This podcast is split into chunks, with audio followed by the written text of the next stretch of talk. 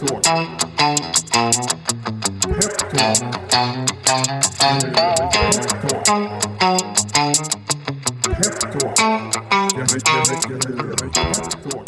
Hej och välkommen till ett nytt avsnitt av Peptalk som idag leds av mig, Martin N Larsson.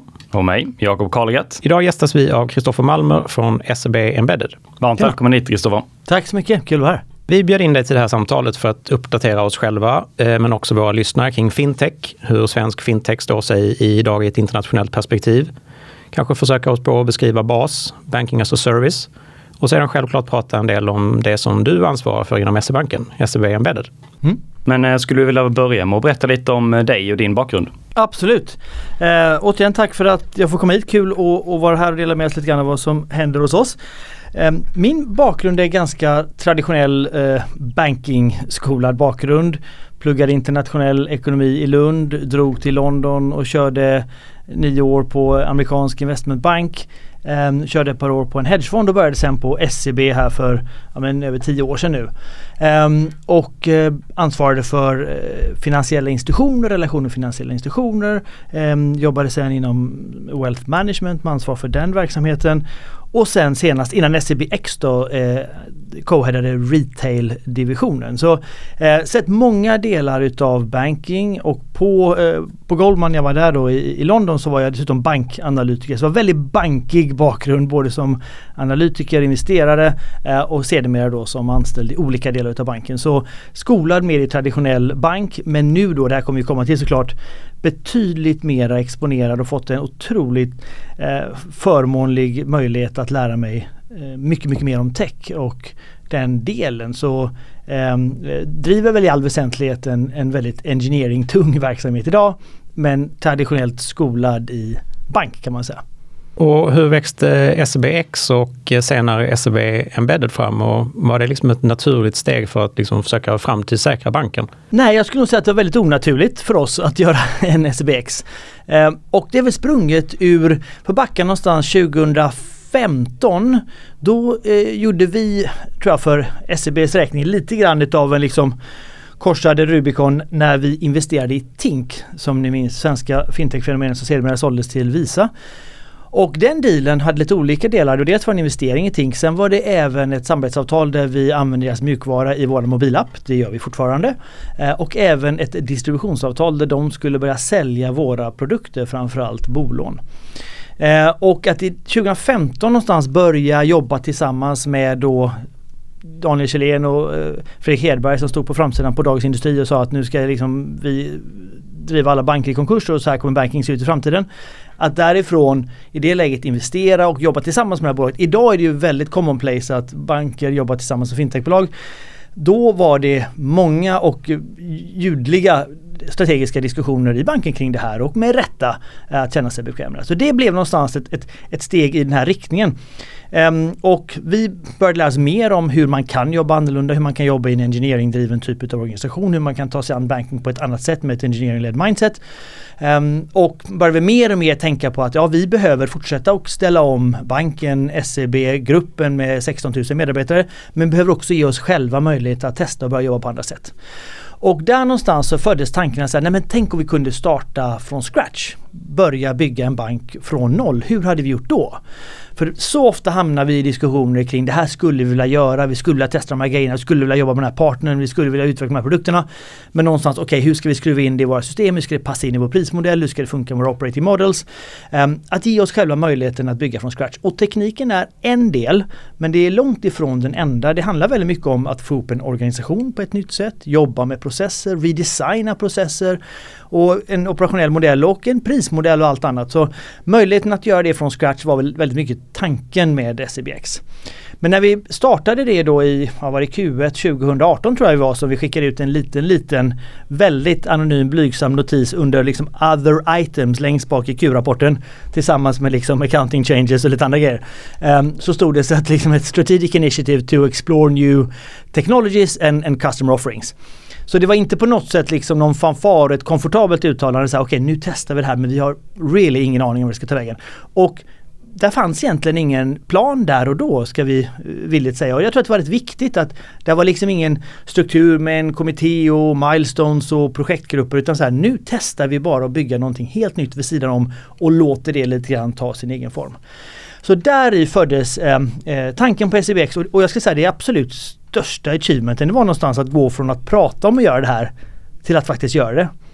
För tanken är så lockande, man säger tänk om vi bara kunde bygga nytt och vi har ju så mycket i banken, vi har data, vi har balansräkning, vi har kapital, likviditet, produkter, kunder, vi har så mycket goda grejer. Tänk om vi kunde använda dem och få, få hävstång på dem men samtidigt röra oss i en cloudmiljö med ny teknik och nya kompetenser och få använda verktyg på ett annat sätt. Så allt det där gör sig otroligt aptitligt i, liksom i en powerpoint-presentation och där någonstans var vi ju ganska länge på powerpoint-planet. Men när vi sen sa så här, hörni, nu gör vi det här. Um, och jag fick förmånen att starta upp det här initiativet och ganska snabbt fick ihop ett team på, vi var sju personer i ett litet konferensrum i våra nya lokaler i Arenastaden. Um, och det var en ganska confused bunch som satt i det där rummet och, och hade det här mandatet att liksom explore new tech och build new products. Så här, ja, vad gör vi nu? Um, och sen fortsatte storyn. Men, men jag pausar där och ser om vi ska liksom styra den här diskussionen mm. i någon annan riktning. Nej, men vi kommer komma tillbaka, komma tillbaka till mycket av det du precis eh, touchar vid nu. Så att, eh, men, men bara sticka in med en liten fråga där du, du nämner Tink. Ja. Var det en, en strategisk investering när den togs eller var det en ren finansiell placering? Det, det, var både och. Mm. Eh, och lite grann så kan jag titta på våran venture capital-verksamhet. Som historiskt sett, och det här är lite roligt, historiskt sett så investerade vi allt utom financial services. Eh, och då var skälet mer ur ett liksom diversifieringsperspektiv. Vi hade en inhouse VC. Eh, vi exponerade i vår business, låt oss investera i andra saker. En av de mest framgångsrika investeringarna vi någonsin gjort i venture capital innan fintech det var när vi köpte rättigheterna till ABBA the Musical. Um, och jag minns när, jag, när vi sålde de rättigheterna, vi fick liksom highlighta det i resultaträkningen för det var så jävla stor item. Så här, den här kommer inte komma tillbaka bara så ni vet. Vad var det då? Jo det var rättigheterna till ABBA the Musical. What? Gör vi sånt?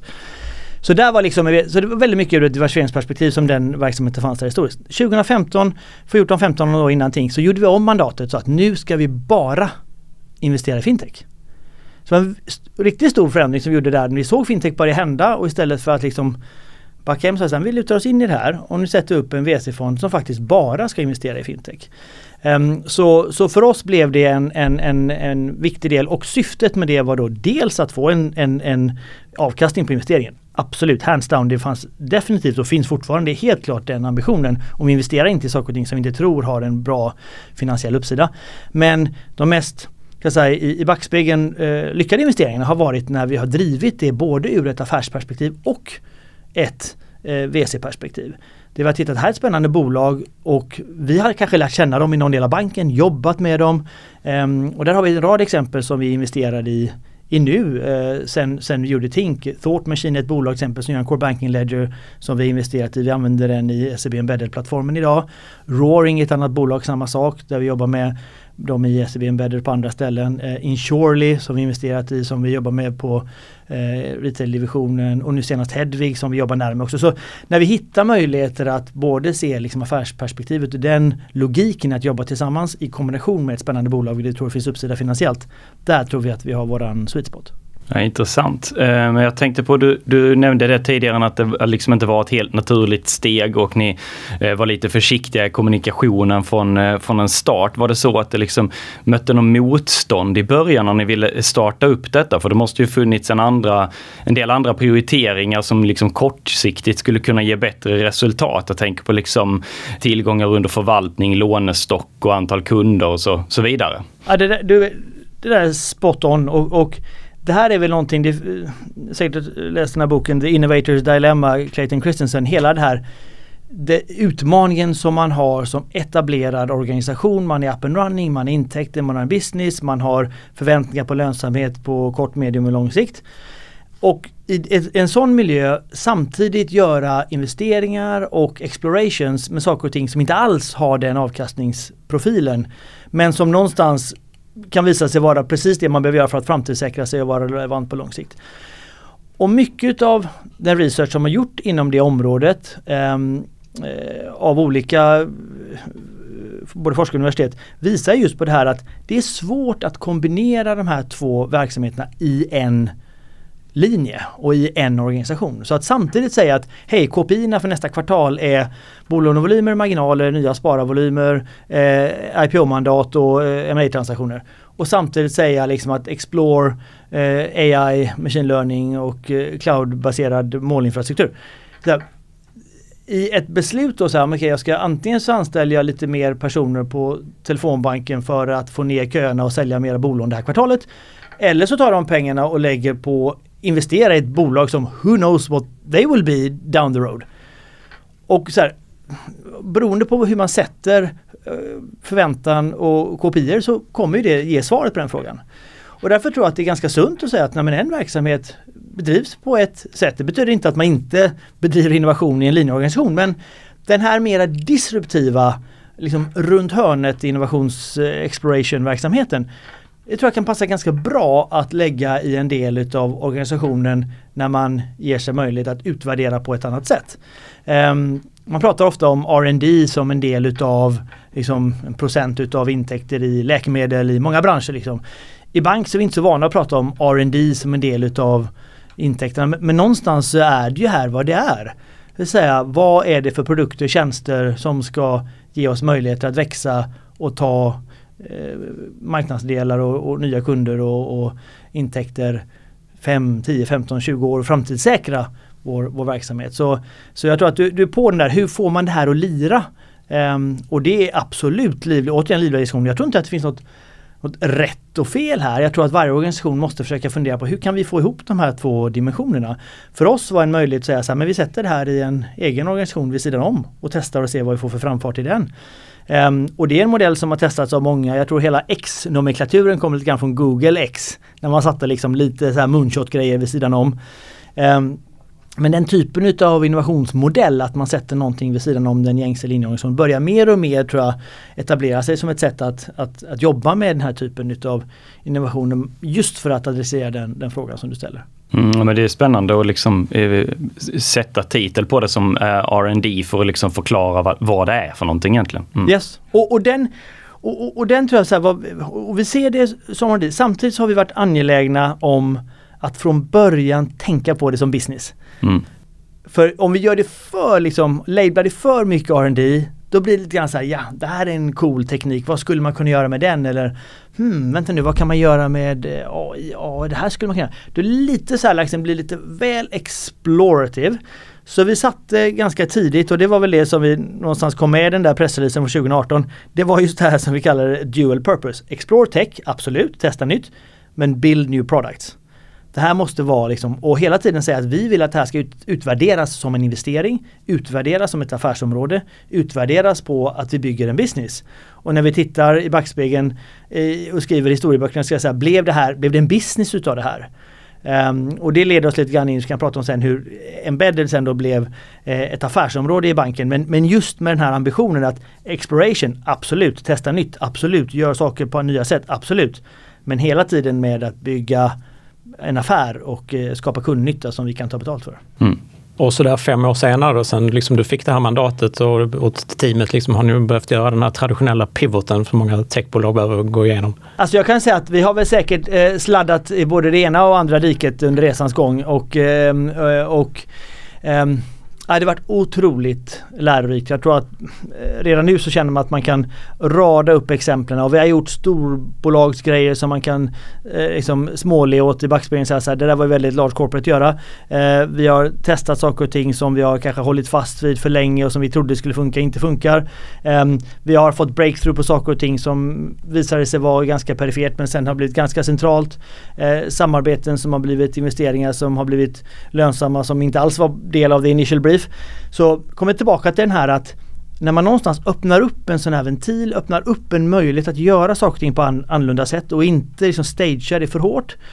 Då skapas förutsättningar för att ta sig in i de här världarna bygga relationer med bolag som man sen sedermera jobbar tillsammans med. Kommer liksom lite grann in i ett, eh, i ett annan typ utav um, ekosystem och annan typ utav, utav tänk. Så um, det som idag, om man tittar på det som eh, SCBX har blivit av så är det egentligen idag tre delar av SCBX. Um, dels är det då det som är SEB Embedded som är då den techplattformen vi har byggt som nu då erbjuder Banking as Service som har blivit en affärsenhet i banken. Sen är det den första produkten som eh, mötte eh, slutkund som byggdes på plattformen som heter Unquo som är en produkt för egenföretagare. Och det tredje benet nu då är SEB X 2.0 det vill säga ett nytt kapitel och starta precis som vi gjorde i det där konferensrummet för fem år sedan. En confused bunch som har till ett brett mandat att explore tech och build new products. Men nu ser världen lite annorlunda ut och hur skulle man ta sig an den utmaningen idag jämfört med hur vi gjorde då. Um, så det är väl lite grann där vi, där vi befinner oss nu då i de tre delarna. Mm. Ska vi bara lite kort eh, toucha vi förklara för våra lyssnare, Banking as a service? Ja. Så Banking as a service, och jag skulle säga så här att det är det här är ganska förhållandevis nytt fenomen så tillvida att det läggs lite olika eh, eh, förklaringar i vad det är för någonting. Och, men vad som börjar tror jag lite grann eh, eh, utkristallisera sig att banking as a service är det som vi som bank levererar och skapar möjligheter för egentligen vem som helst, bank eller inte, finansiell institution eller retailer, mediaföretag eller eh, eh resebolag, whatever, eh, att bygga in finansiella tjänster i sina kundresor. Det som vår, och de, de, det är ju våra kunder. Våra kunder är ju de som köper banking as a service utav oss. Eh, vi kallar dem för distributörer. De distribuerar produkter till slutkund. Eh, så vi säljer banking as a service. Vad man som distributör sen gör att man embeddar en Så det som vi pratar om som är embedded finance, det är det som faktiskt är då slutprodukten som möter kunden. Um, och tar vi det exemplet som, som många har pratat om och som väl kanske varit en av de första och starkaste exemplen utav det här um, Anywhere uh, i, i världen så är det väl Goldman Sachs samarbete med Apple. Så när Apple lanserade The Apple Card här för några år sedan Ja, då var det Apple kundupplevelse, det var i en Apple eh, Digital Wallet. Um, men det var Goldman Sachs som stod för techstacken, regelefterlevnad och balansräkning och kapital. Sen har det blivit sparkonton utav det där som lanserade här för några veckor sedan. Och så, så bygger Apple ut en, en svit utav finansiella tjänster utan att vara reglerad utav en bankregulator, utan att hålla ett common equity tier 1 capital ratio, utan att uppleva LCR-krav och allt vad det kan vara. Det sköter Goldman. Så väldigt tydligt, Goldman levererar banking as a service till Apple som har embedded finance-produkten i sina, i sina kundinterface. I vår värld då, om vi flyttar, flyttar oss till Sverige, så var vår första kund är Axel Jonsson-gruppen, alltså retailkoncernen. Mm. Som startade ett, eh, ett brand som heter Humla.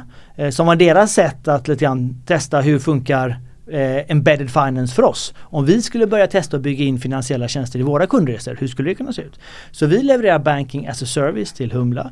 Humla bygger in det och gör embedded finance och skapar en kundupplevelse för sina slutkunder. Um, och vi står för regelefterlevnad, balansräkning, kapital, transaktionsmonitorering, fraud prevention, KYS, AML, alla de här grejerna som vi gör som bank med tillstånd och licens. Och via API då som vi tillgängliggör till en distributör så bygger distributören, i det här fallet Humla, produkter och kundupplevelser ovanpå de API-erna och ger möjlighet att egentligen agera som en bank. Så man kan säga så här, vi sätter, väldigt krasst uttryckt, vi sätter API på våran balansräkning och låter någon annan agera bank eh, i sitt eget namn. Och rollfördelningen blir tydlig. Eh, distributören distribuerar och agerar med kunden och vi står för bank, produkt och eh, det licensierade. Spännande. Du, du, är inne på det där med, med Humla och eh, med resebyrån, så vilka era kunder är. Men kan, kan du liksom berätta lite mer om vilka som är köparna av den här tjänsten? Mm, det här, mm. Otroligt roligt med det här har varit att sen, sen den här eh, samarbetet med Axel Jonsson eh, gjordes publikt under, under förra året så har vi haft förmånen att få igång en rad spännande dialoger med olika prospects. Um, och det finns lite olika kategorier. Och jag skulle säga att vi har kategorier stora etablerade eh, företag. Och där kan det vara både företag som är vana vid att jobba med finansiella produkter som vill bredda sitt sortiment, lägga till, komplettera med en kreditprodukt eller en spararprodukt eller något sådant. Eh, och bredda sitt sortiment och man säger att det här är bättre att vi köper as service istället för att utveckla och bygga och licensiera oss för själva. Um, och sen de som inte har jobbat med finansiella tjänster tidigare, återigen stora företag med stora kundbaser och, och, och varumärken som um, uh, är väl etablerade och kända. Uh, men som säger att nej, men, Tänk om vi fick möjligheten att faktiskt erbjuda finansiella tjänster i vårat namn. Eh, både möjligheten att bygga lojalitet med våra kunder, komma närmare våra kunder. Inte lämna över nödvändigtvis den finansiella transaktionen till någon annan eller släppa in någon annan i den relationen. Och säga, nej men vi behåller den relationen med kunderna och embeddar finansiella tjänster om det är så en betaltjänst eller ett kort eller vad det kan vara. Och även då eh, kritiskt få tillgång till datan. Så all den datan som uppstår i den finansiella transaktionen tillhandahåller vi till distributören. Så distributören kan välja, vill vi bygga som i Humlas fall ett lojalitetsprogram på det här? Eller vill man använda datan till något annat? Bygga insikter, eh, marketing eller vad det kan vara. Eh, men att man får tillgång till hela den datan. Så helt plötsligt har man finansiella tjänster i sitt eget namn med hela liksom, the digital footprint som kommer med finansiella tjänster att fortsätta utveckla och produktutveckla tillsammans med. Ehm, så det är väl den kategorin. Stora eh, bolag med etablerade kundbaser, antingen finansiella med vana vid att jobba med finansiella produkter som vill bredda eller som aldrig jobbat med finansiella tjänster men som vill introducera dem och, och, eh, och kanske komplettera sitt erbjudande eller lägga till nya eh, intäktsströmmar i en befintlig kundbas. Den andra kategorin är mera utav startup-kategorin där man någonstans är kan vara en fintech, kan också vara icke-fintech som känner att vi är på gång, vi har ett grymt kunderbjudande.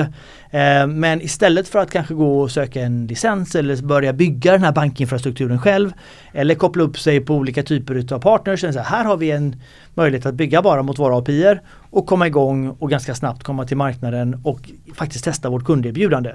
De kanske inte ville bygga transaktionsmonitorering och en core banking ledger och eh, liksom behörighetshanteringen. Det kanske inte var det som var edgen utan edgen låg i att bygga det här kunderbjudandet för den här målgruppen som man hade eh, avsikt att, eh, att serva. Så, så det är väl de liksom, kategorierna som vi ser eh, mm. i, i efterfrågan. Och jag skulle säga drivkrafterna då, lojalitet eh, att bygga lojalitet, komma närmare sina kunder, få in data.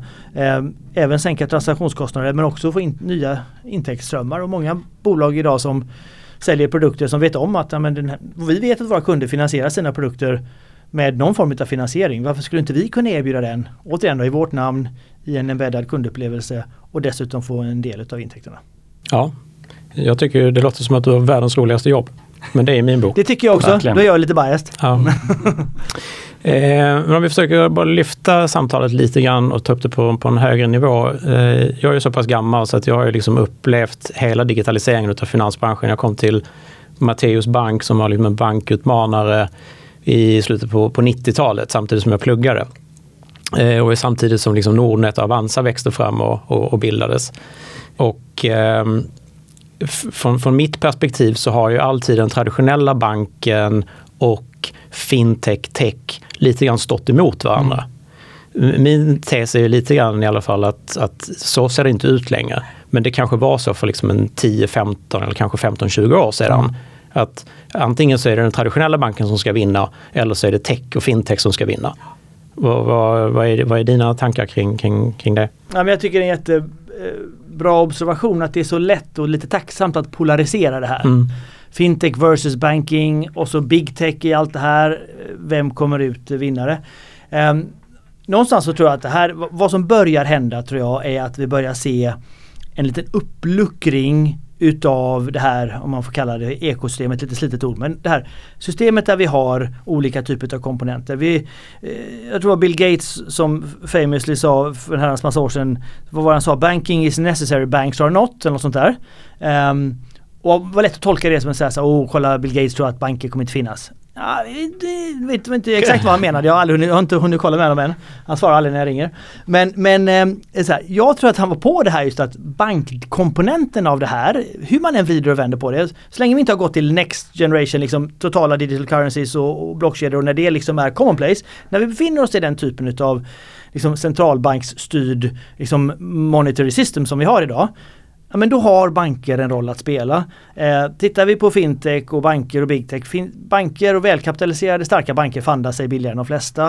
Eh, man har tillgång till kapital, likviditet, man har eh, eh insättningsgarantier. Det finns massa, massa komponenter. Så när man tittar på det här liksom systemet som börjar liksom forma sig och många aktörer som vill in. Fintech vill in, bigtech vill in, banker finns här. Vad, vad tror man att man har sin relativa konkurrensfördel? Och vad man skulle kunna säga då om man vill spetsa till lite grann så kan man säga så här, historiskt sett så har banker, universalbanker i Sverige, i Europa, i världen stått för banklicensen, Man har byggt någon form av infrastruktur, teknik för att distribuera sina tjänster och man har stått för distributionen. I början var det rådgivare och kontor, sen blev det internetbanker, sen blev det mobilbanker och vad det vidare. Så någonstans här, den här har varit en integrerad komponent och man har byggt proprietary tech för att distribuera through proprietary distribution channels. Och man har haft sin egen licens. Om man tänker att de här tre inte längre behöver sitta ihop. Det så här, ja, Bill Gates har en poäng. Banking is needed. Liksom. Den här sista bottenplattan med en licens, kapital, likviditet, funding. Den här måste vara med någonstans. Mellanlagret där då, med den här tekniken och processen. Så här, ja, det behöver kanske inte vara samma som banken. Och här har vi sett många nya aktörer som har kommit in som har kommit mycket mer från ett fintech-perspektiv och drivit sig så här, vi kan hjälpa er att bli, komma upp på payment rails eller komma upp på card schemes eller vad det kan vara. Eh, vi har Banking Circle, vi har liksom en rad olika aktörer, Modular och Solaris alla möjliga som är banking as service-spelare men som framförallt jobbar i, liksom i tech-delen där, i mellanlagret. Och sen så har vi på toppen distributörer som säger så här, hej vi vill, Apple, vi vill liksom erbjuda våra kunder finansiella tjänster men vi vill inte göra liksom alla de här andra komponenterna. Så om man leker med tanken att de här tre grejerna bör delas upp, då tror jag att banker som historiskt sett har gjort alla tre, gjort det jävligt bra, haft förhållandevis ostörda i alla de här tre delarna, helt plötsligt nu får konkurrens överallt, bestämmer sig okej, okay, var ska jag spela i de olika marknaderna, i de olika segmenten på de olika delarna? Och vad är min relativa konkurrensfördel? Och för vår del har svaret på den frågan blivit så här, ja men vi tror att, och det här behöver inte absolut inte alla ha med om, men vi, om vi tror att världen skulle kunna röra sig mot mer av en embedded värld, det vill säga mer och mer banktjänster kommer konsumeras konceptuellt, där man köper sina grejer, kanske där man eh, eh, köper sitt hus finns bolånet, där man eh, köper sin bil finns billånet, där man eh, handlar sina produkter finns konsumentlånet, där man gör sitt sparande finns sparprodukterna, vad det kan vara. Om man tror att den som, som en megatrend är liksom på väg att utvecklas, då kan man ställa frågan, ah, antingen så vill vi vara med och leverera in i det, eller så säger vi så här, nej, vi, vi tror inte på det, vi, liksom, vi håller fast i den modellen vi haft. Och det är full respekt för liksom, vilket val man väljer att göra. Vår bedömning är så här, vi tror att den trenden kan mycket väl ta fart. Därav säger vi så här, i en sånt ekosystem, då är vi jättegärna den plattformen med vår banklicens, all vår infrastruktur och embedded-plattformen och låter en distributör komma och bygga på toppen av oss.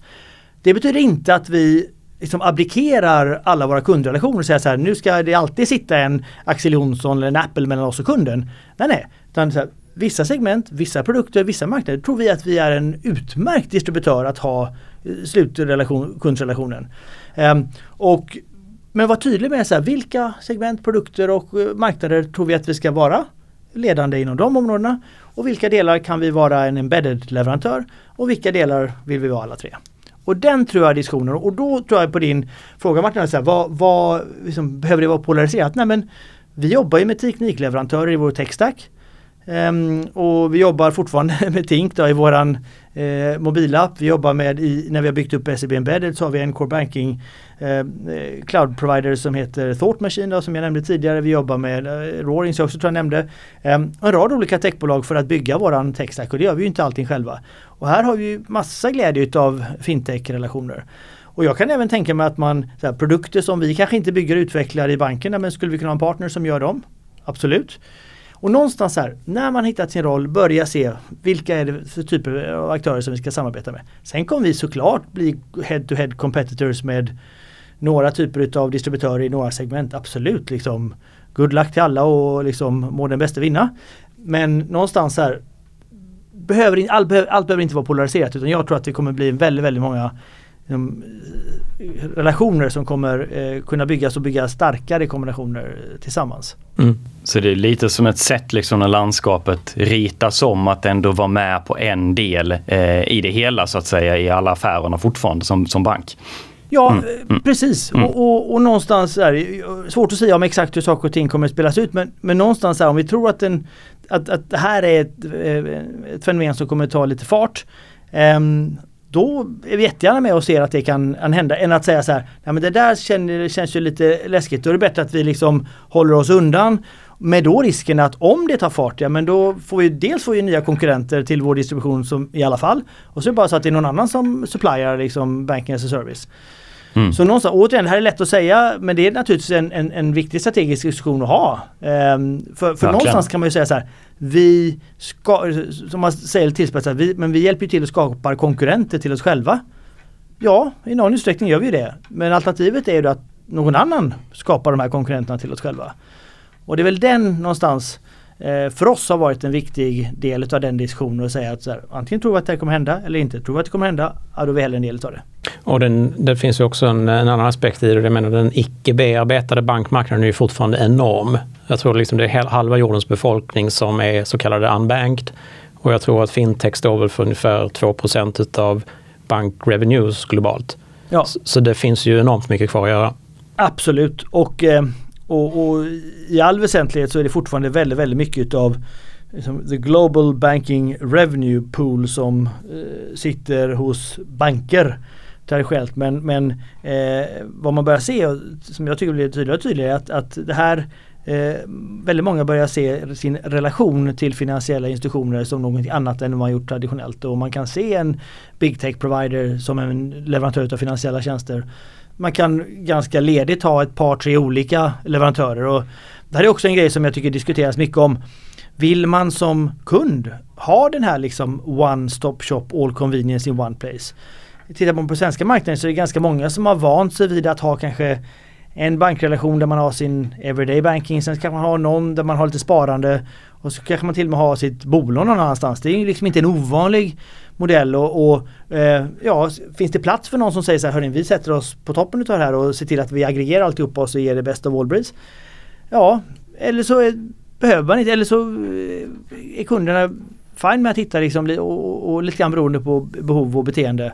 Um, så det här är superintressant. Och, liksom, jag tror det går att hitta väldigt många positioner i det här ekosystemet och någonstans bestämma sig för var tror jag att jag har min relativa konkurrensfördel och utifrån det börja positionera sig i det här eh, landskapet. Mm. Mm. Eh, du och ditt team har ju självklart era utmaningar så jag spelar inte ner det alls på, på något sätt för och det ni har åstadkommit hittills. Eh, men om vi tittar på SEB Embedded eh, och gör den förenklade tolkningen att ni är eller drivs som ett venturebolag så har ni ju många fördelar mot andra startups i, i fintech-branschen. Jag tänker på att ni har en mängd kunddata och inte minst finansiella musklerna. Håller du med om det? Ja. Absolut. Och jag skulle säga så här, det som vi säger eh, och vi hade en lång diskussion innan vi startade, och gå tillbaka till SEBX då. Så var diskussionen, ska vi ens ha det här i banken? Ska vi ta en slant och sätta i, som en investering i ett bolag utanför och låta dem verkligen springa med liksom okopplat till resten utav banken? Um, men då ställde vi oss själva frågan, vad är då vår relativa konkurrensfördel om vi gör det?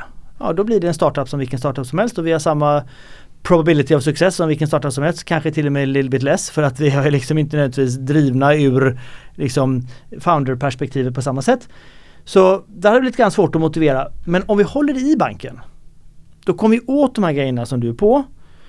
Och då är utmaningen naturligtvis att få det här att balansera med att vara en del utav en storbank. Och vi är en GDPR-bot för SEB Embedded är en procent av intäkterna på SEB AB.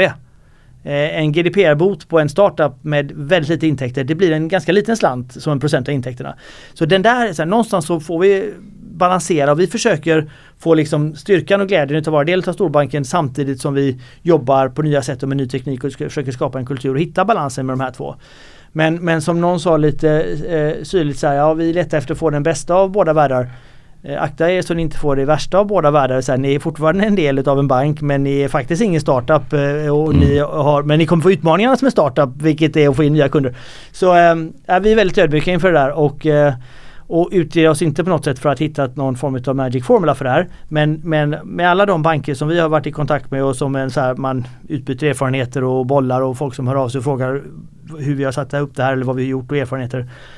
Alltså det viktigaste tror jag är så att, att komma igång och göra någonting och sen får man någonstans hitta sitt eget format för det här. Och det kommer gå snett och det kommer tilta för mycket åt att vara bank, det kommer tilta för mycket åt att eh, dra iväg.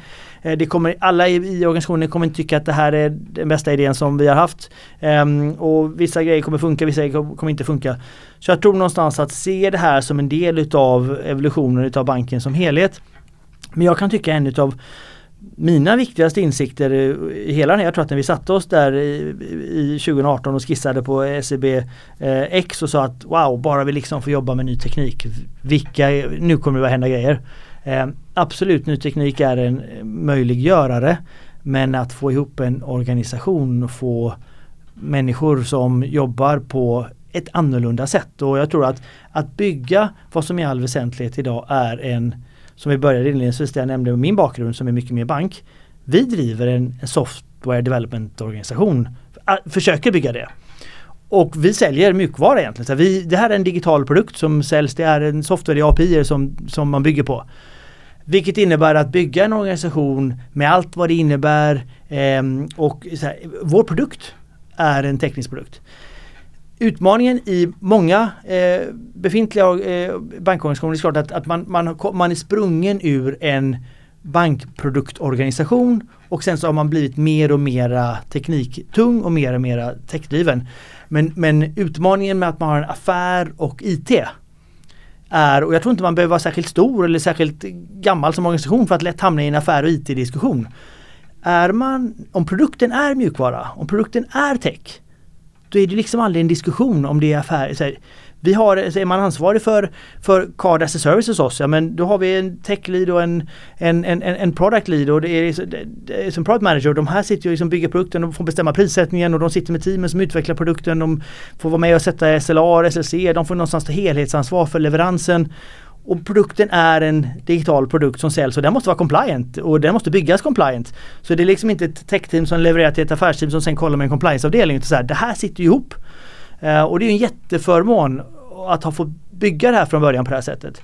Så, så här, verkligen en av våra stora learnings, skulle jag säga, en av våra stora accomplishments i SEBX och SEB Embedded är att, liksom att, att, testa och bygga en organisation på det här sättet. För det är någonting annat eh, än vad vi har varit vana vid historiskt. Mm. Det är ju lätt att som svensk ha perceptionen att svensk fintech är liksom världsledande på många sätt. Eh, vi har ju en del liksom framgångssagor. Eh, Klarna, du nämnde Tink, eh, men vi har Trustly och iSettle såldes till, till Paypal. Hur skulle du säga att svensk fintech står sig idag?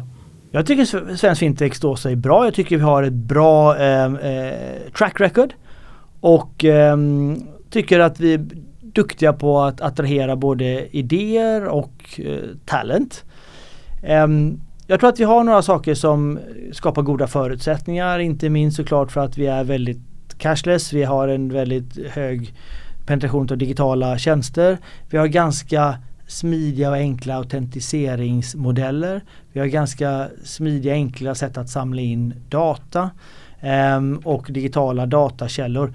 Så jag tror att vi har liksom, jag tror att vad Svensk Fintech har gjort att de varit med och drivit på att liksom Skatteverket jobbar liksom med API och vill tillgängliggöra och man ska göra ett grönt bolån och komma och gå till liksom Lantmäteriet och hämta data. Helt plötsligt så börjar det byggas. Eh, och så jag tror att det där, de ringarna på vattnet har, har tror jag, hjälpt till att skapa ännu mer förutsättningar för att bygga nya eh, fintechbolag. Så, så jag tycker att utsikterna för, för svensk fintech är väldigt goda. Jag skulle våga påstå att utan att tala för några av de andra bankerna skulle jag påstå att banker i vår del av världen har en ganska open-minded approach till eh, fintechbolag. Jag tror att de flesta bankerna i Sverige och Norden har någon form av fintech-samarbeten och många investerar i fintech.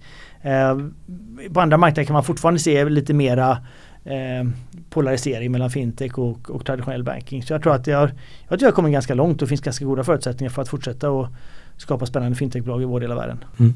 Mm. Jag tänkte på eh, tidigare trender inom fintech.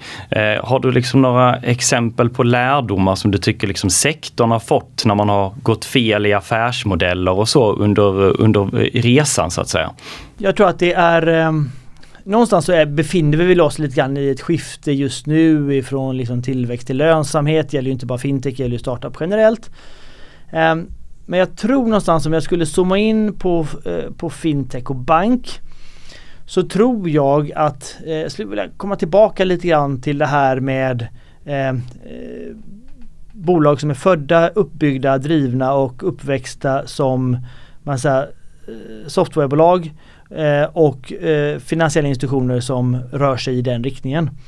Och jag tror att om man ska liksom lite förenklat säga då att så här, men, eh, bankernas stora utmaning har ju varit liksom att få upp hastigheten och kunna göra de sakerna som man vill så snabbt som man vill göra dem. Även om man har velat så har man inte alltid kunnat. Um, men är det någonting man har ordning och reda på så är det sina bankgrejer och saker och ting blir gjorda och vi har ändå liksom en hög trustfaktor i, eh, i våra kundrelationer och mycket saker som ändå eh, man har som en väldigt stark fördel som vi var inne på tidigare. Sen så har vi en breed som har kommit och byggt och väldigt, väldigt framgångsrikt skapat digitala produkter. Digitala eh, finansiella produkter sprungna ur liksom, mjukvarutillverkningsbolag. Men där man inte har samma erfarenhet och eh, lika bekväm att jobba med ja, regelverk och finansiella tjänster. Jag minns vad grundaren, jag tror grundaren av Monzo, han Tom Bloomfield som sa i, eh, i UK efter ett par år att ha liksom skalat upp Monzo sa han så här, när jag startade Monzo så ägnade jag 90% av min tid att bygga bolag och 10% att prata med regulators. När vi blir stora så ägnar jag 90% av min tid att prata med regulators och 10% att bygga bolag. This is not what I signed up for. Sen så blev jag någon slags chairman och nu har han lämnat. Så så här, den, den där resan, det är, that's what we do liksom. Som banker, det, det är liksom inget nytt för oss. Men jag tror att eh, verkligen att försöka hitta den här liksom intersection mellan att jobba och bygga och driva och utveckla som ett mjukvarubolag men med någonstans banking väldigt, väldigt liksom integrerat. Um, och, eh, och det är där jag kommer tillbaka till, alltså att, att hitta i det här mötet snarare än att hitta polariseringen så hitta eh, man kan göra i, i, och man kan dra för lärdomar av varandra. Jag tycker att Revolut är ett annat fantastiskt exempel, ett bolag som har vuxit över hela världen och är väl förmodligen fortfarande ett av eh, världens mest snabbväxande och högt värderade fintechs. Um, men när man liksom eh, ett och ett halvt år efter att man hade stängt sina böcker kom med liksom årsredovisning som inte ens fick en sign-off utav auditors så att de kunde garantera att intäkterna var korrekta.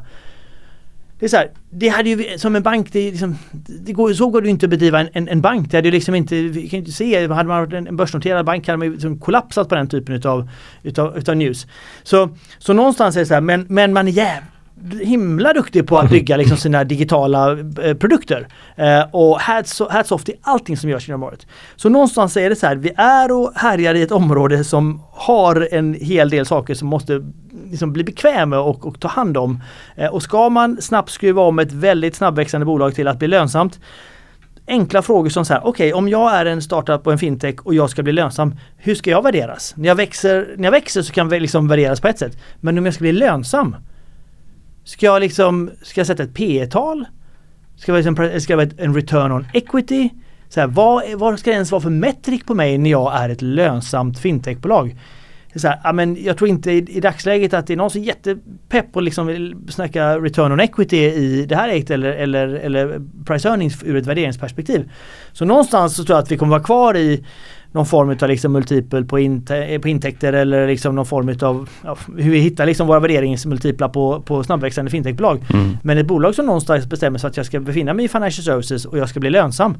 Ja, vad, vad blir liksom rätta, the right metrics?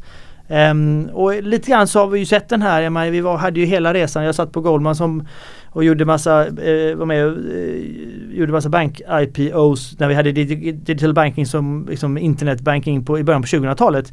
Det var samma sak där liksom, multiplarna skulle vara någonting annat och sen så någonstans så kom det ikapp och så blev det traditionella multiplar. Nu har vi haft en period när vi har haft väldigt en annan typ av multiplar och någonstans så kommer lönsamheten komma ikapp och vi ska andra multiplar. Um, men men eh, det man skapar som bolag och produkterna och tjänsterna är ju fantastiska. Det har ju liksom för att komma tillbaka till svensk fintech, gjort en enorm impact på, på kundupplevelser och på liksom, kundvärde och kundnytta. Mm. Mm. Ska vi avsluta med lite trendspaning bara? Eh, du nämnde till exempel Revolut. Personligen så vet jag liksom hur, hur, hur, hur häftigt och hett det var liksom, du säger 2015 till 2018, 2020 och alla skulle be, liksom, ta in korten in i mobiltelefonen och du skulle betala liksom tap and pay och du hade Apple där som, som gavs in också. Vad, vad, vad ser du för, för trender idag kring, kring liksom fintech? Vad är det som, som rör sig och i vilken riktning tar vi? Supersvår fråga men... Jag, jag skulle nog säga, nu, nu eh, här är ju lite um, återigen lite, eh, lite biased. Men jag, jag, skulle säga att jag tror ju att den stora trenden nu vad gäller fintech, finansiella tjänster är just den här kontextuell möjligheten att placera de finansiella tjänsterna precis där de behövs och där de konsumeras embeddade i kundupplevelsen. Mm. Någonstans är vi så vana vid att vi har vårt liv här borta, det är här vi köper våra produkter, det är här vi liksom hänger, det är här vi går på restaurang, det är här vi åker liksom rides och taxi och, och, och elskotrar, liksom har våra liv. Och sen här borta någonstans på andra sidan så ägnar vi oss åt våra finansiella tjänster. Här betalar vi våra räkningar, här ansöker vi om våra lån, här har vi våra bolån, här har vi vårt lönekonto ehm, och här håller vi koll på vårt sparande. någonstans här, att de här två världarna börjar mötas och där de finansiella tjänsterna bäddas in mycket, mycket mer. Och, men, alla som har tagit en Uber vet ju att det är liksom inte en betalupplevelse. Det är en, eh, en transportupplevelse där finansiella tjänster inte ens syns eller märks. Um, mycket mer den typen av finansiella tjänster som är inbyggda och när det är eh, liksom behöver autentiseras att det blir mer eh, biometrics och att det blir en, en, en mycket mer embeddad finansiell kundupplevelse eh, i de ögonblicken när de finansiella tjänsterna behövs och konsumeras i den kontexten. Det skulle jag vilja säga då med risk för att eh, göra lite förtäckt marknadsföring här. Eh, ses som en av de stora trenderna just nu. Mm. Ja, spännande. Tack så jättemycket för att du kom hit idag Kristoffer. Jättekul mm. att vara här och tack för en kul diskussion. Ja, roligt att ha dig här. Tack. Tack. Kom ihåg att investeringar i noterade och onoterade bolag innefattar risk. Att aktieinvesteringar kan sjunka i värde och det är inte säkert att en investerare får tillbaka satsat kapital eller något kapital alls. Eh, ingenting som sägs i denna podcasten ska anses vara rådgivning och tidigare resultat är inte en garanti för framtiden. Pep